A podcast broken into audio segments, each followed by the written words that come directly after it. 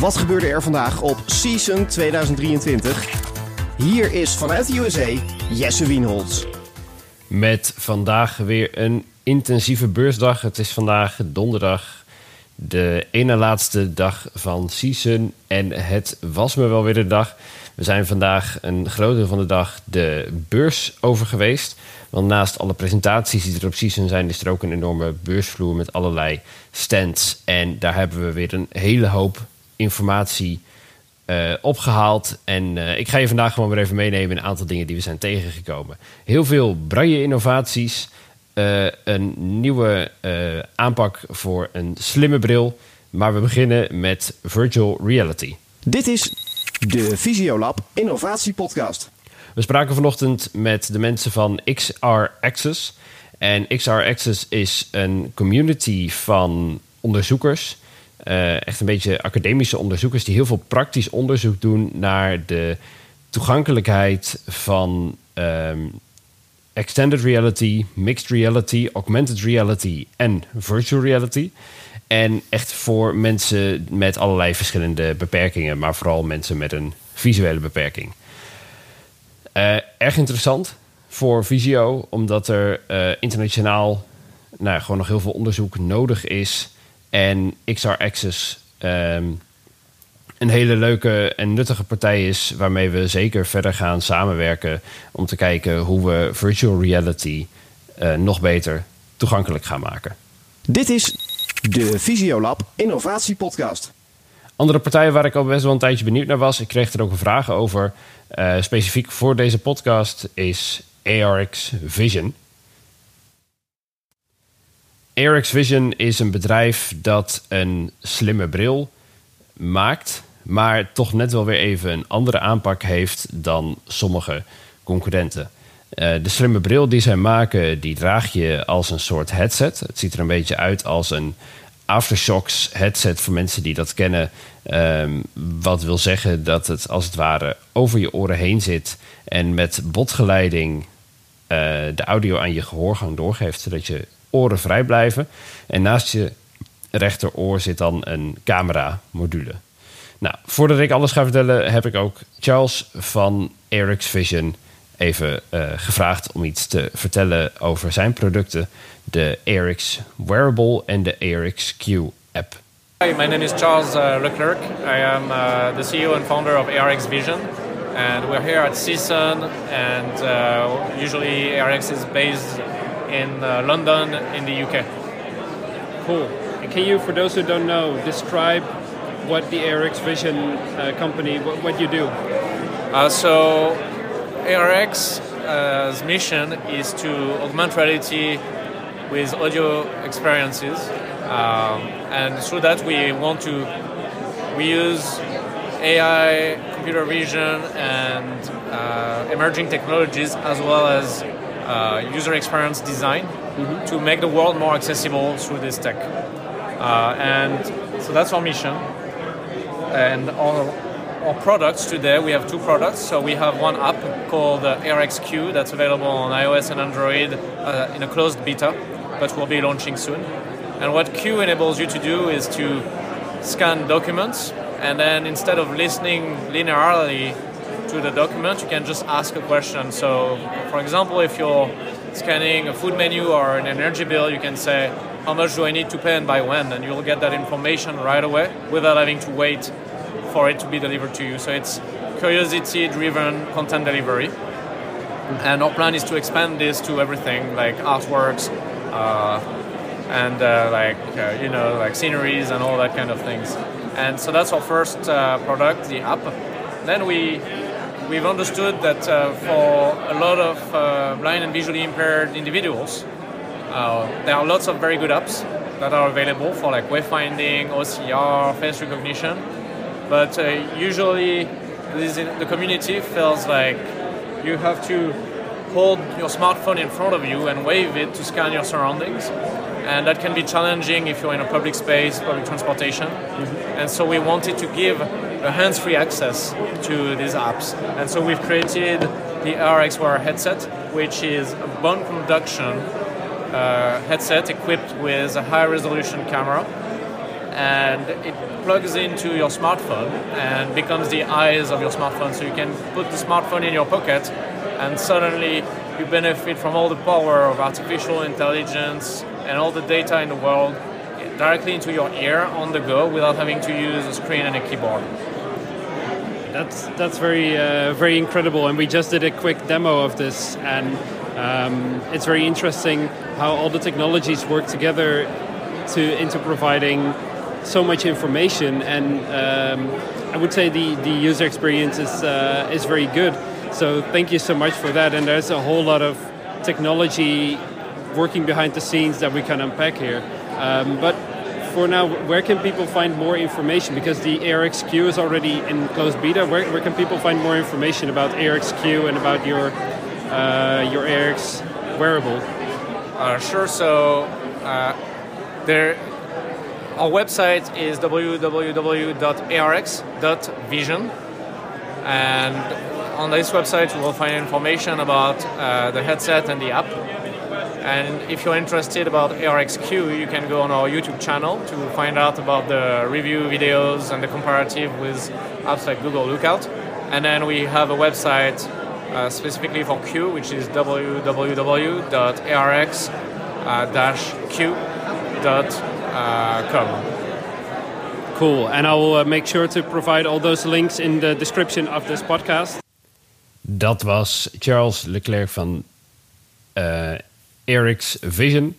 En wat ik nou zo interessant vind aan Eric's Vision ten opzichte van de uh, slimme brillen die er nu al bestaan. Hè, want veel van de dingen die zij doen, ja, daar zijn al wel andere brillen die dat ook doen. Maar wat zij mooi doen is, zij uh, combineren heel veel technologie. Dus ze combineren OCR-technologie, GPT ehm, voor de verwerking van de gescande tekst.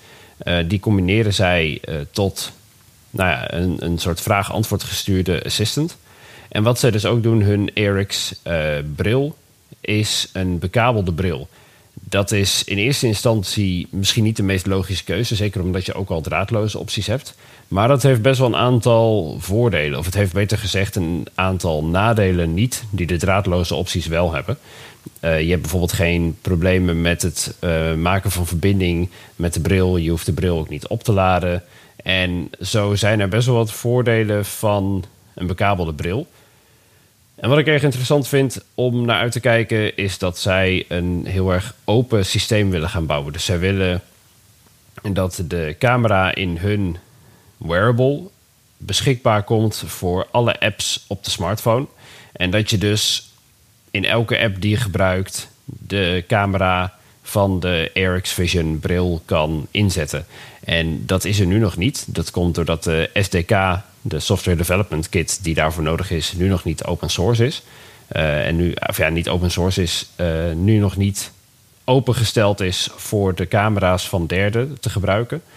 Uh, maar dat is wel iets waar ze mee bezig zijn. En ik denk, als dat gebeurt, dan kan het heel interessant zijn. Omdat je dan dus je hardware van je slimme bril, dus eigenlijk de camera die je gebruikt, die haal je los van de software die je gebruikt. En je kan dus alle toepassingen die baat hebben bij een goede camera op je hoofd, kun je koppelen aan je telefoon.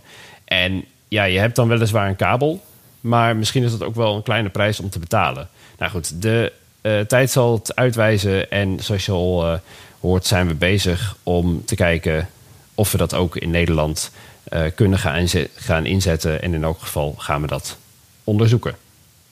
Dit is de Visiolab Innovatie Podcast. Dan braille. Vandaag was echt een enorme braille dag. Ik ga een poging doen om een eh, aantal dingen voor je samen te vatten, maar dat uh, er is veel.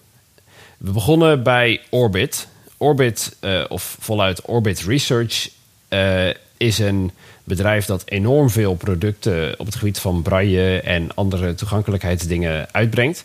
En wat zij doen is zij uh, werken met producten voor een relatief heel erg betaalbare prijs.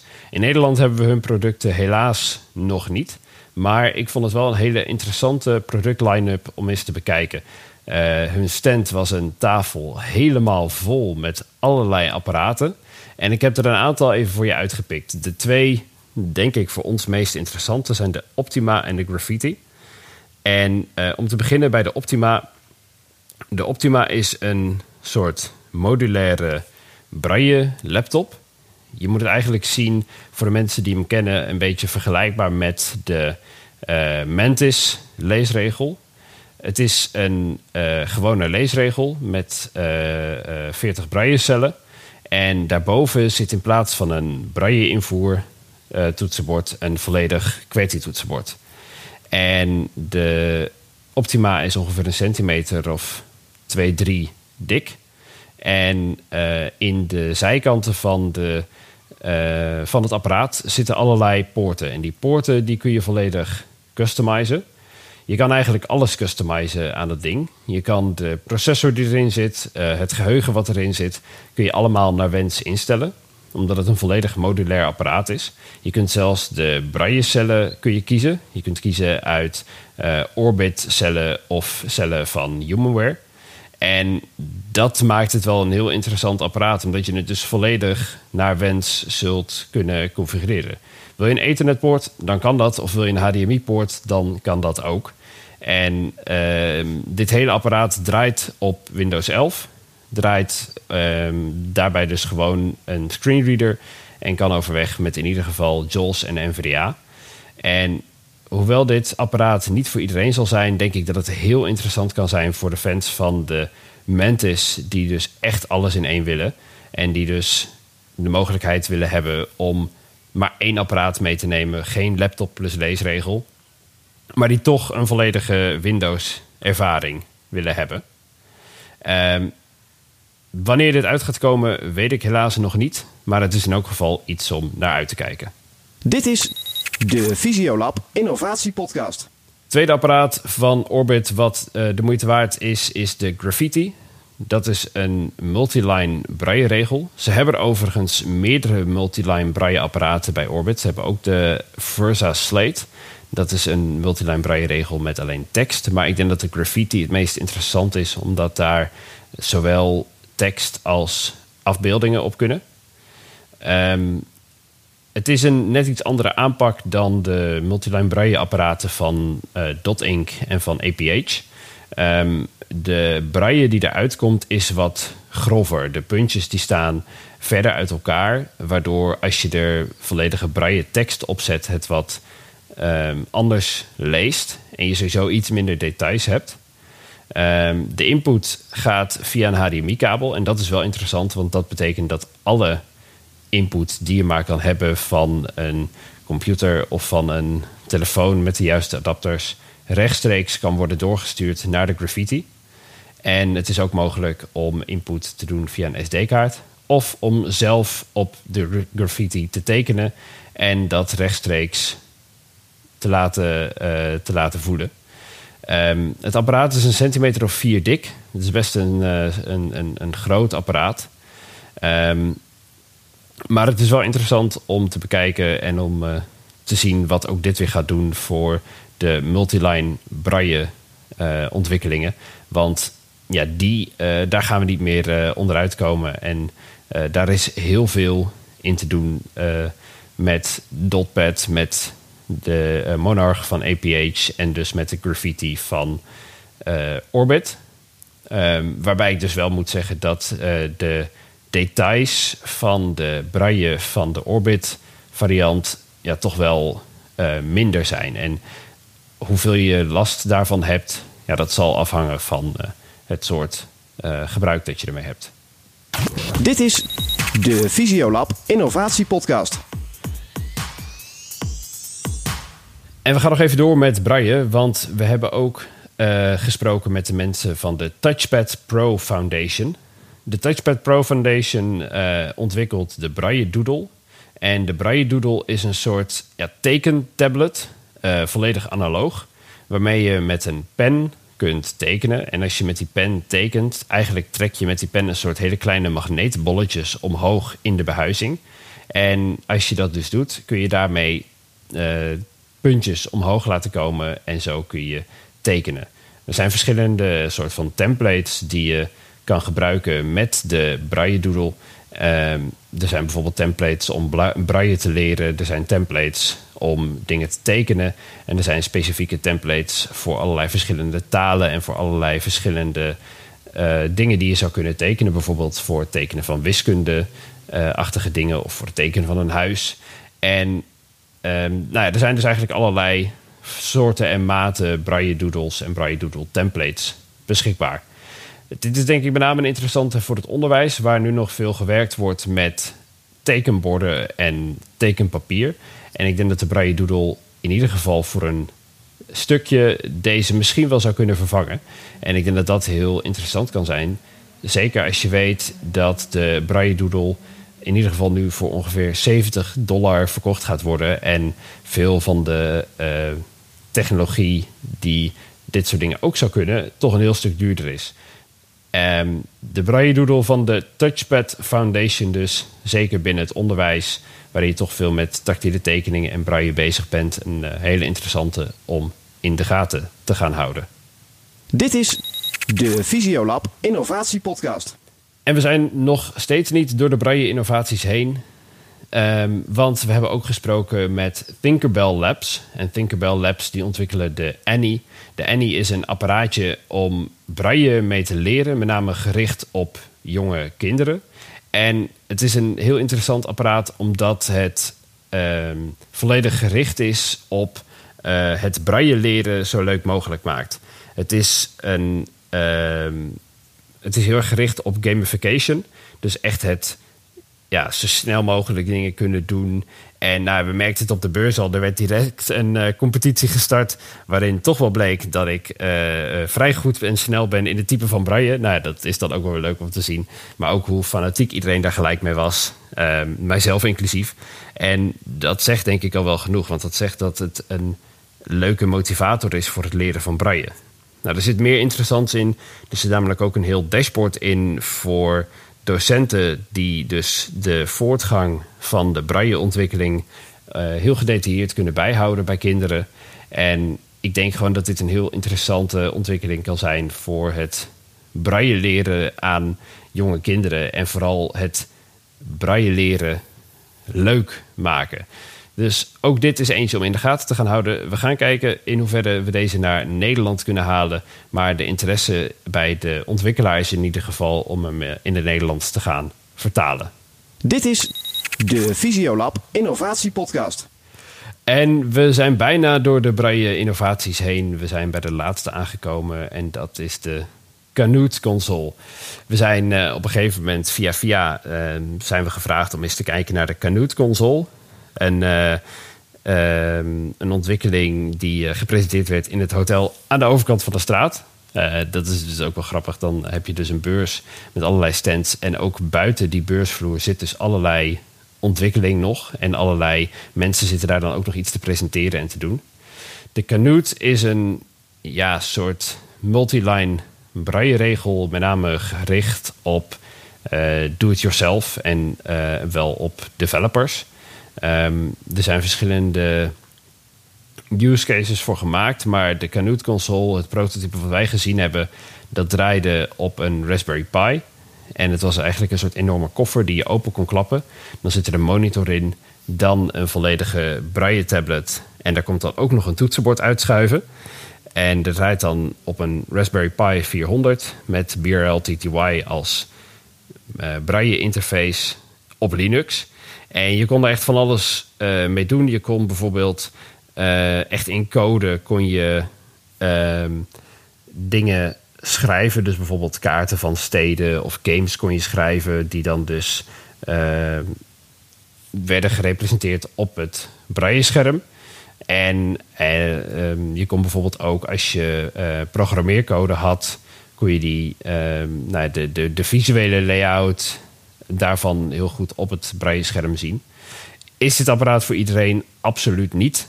Want het is best wel een complex apparaat. Je zult flink wat Linux-kennis nodig hebben om hier wat mee te kunnen.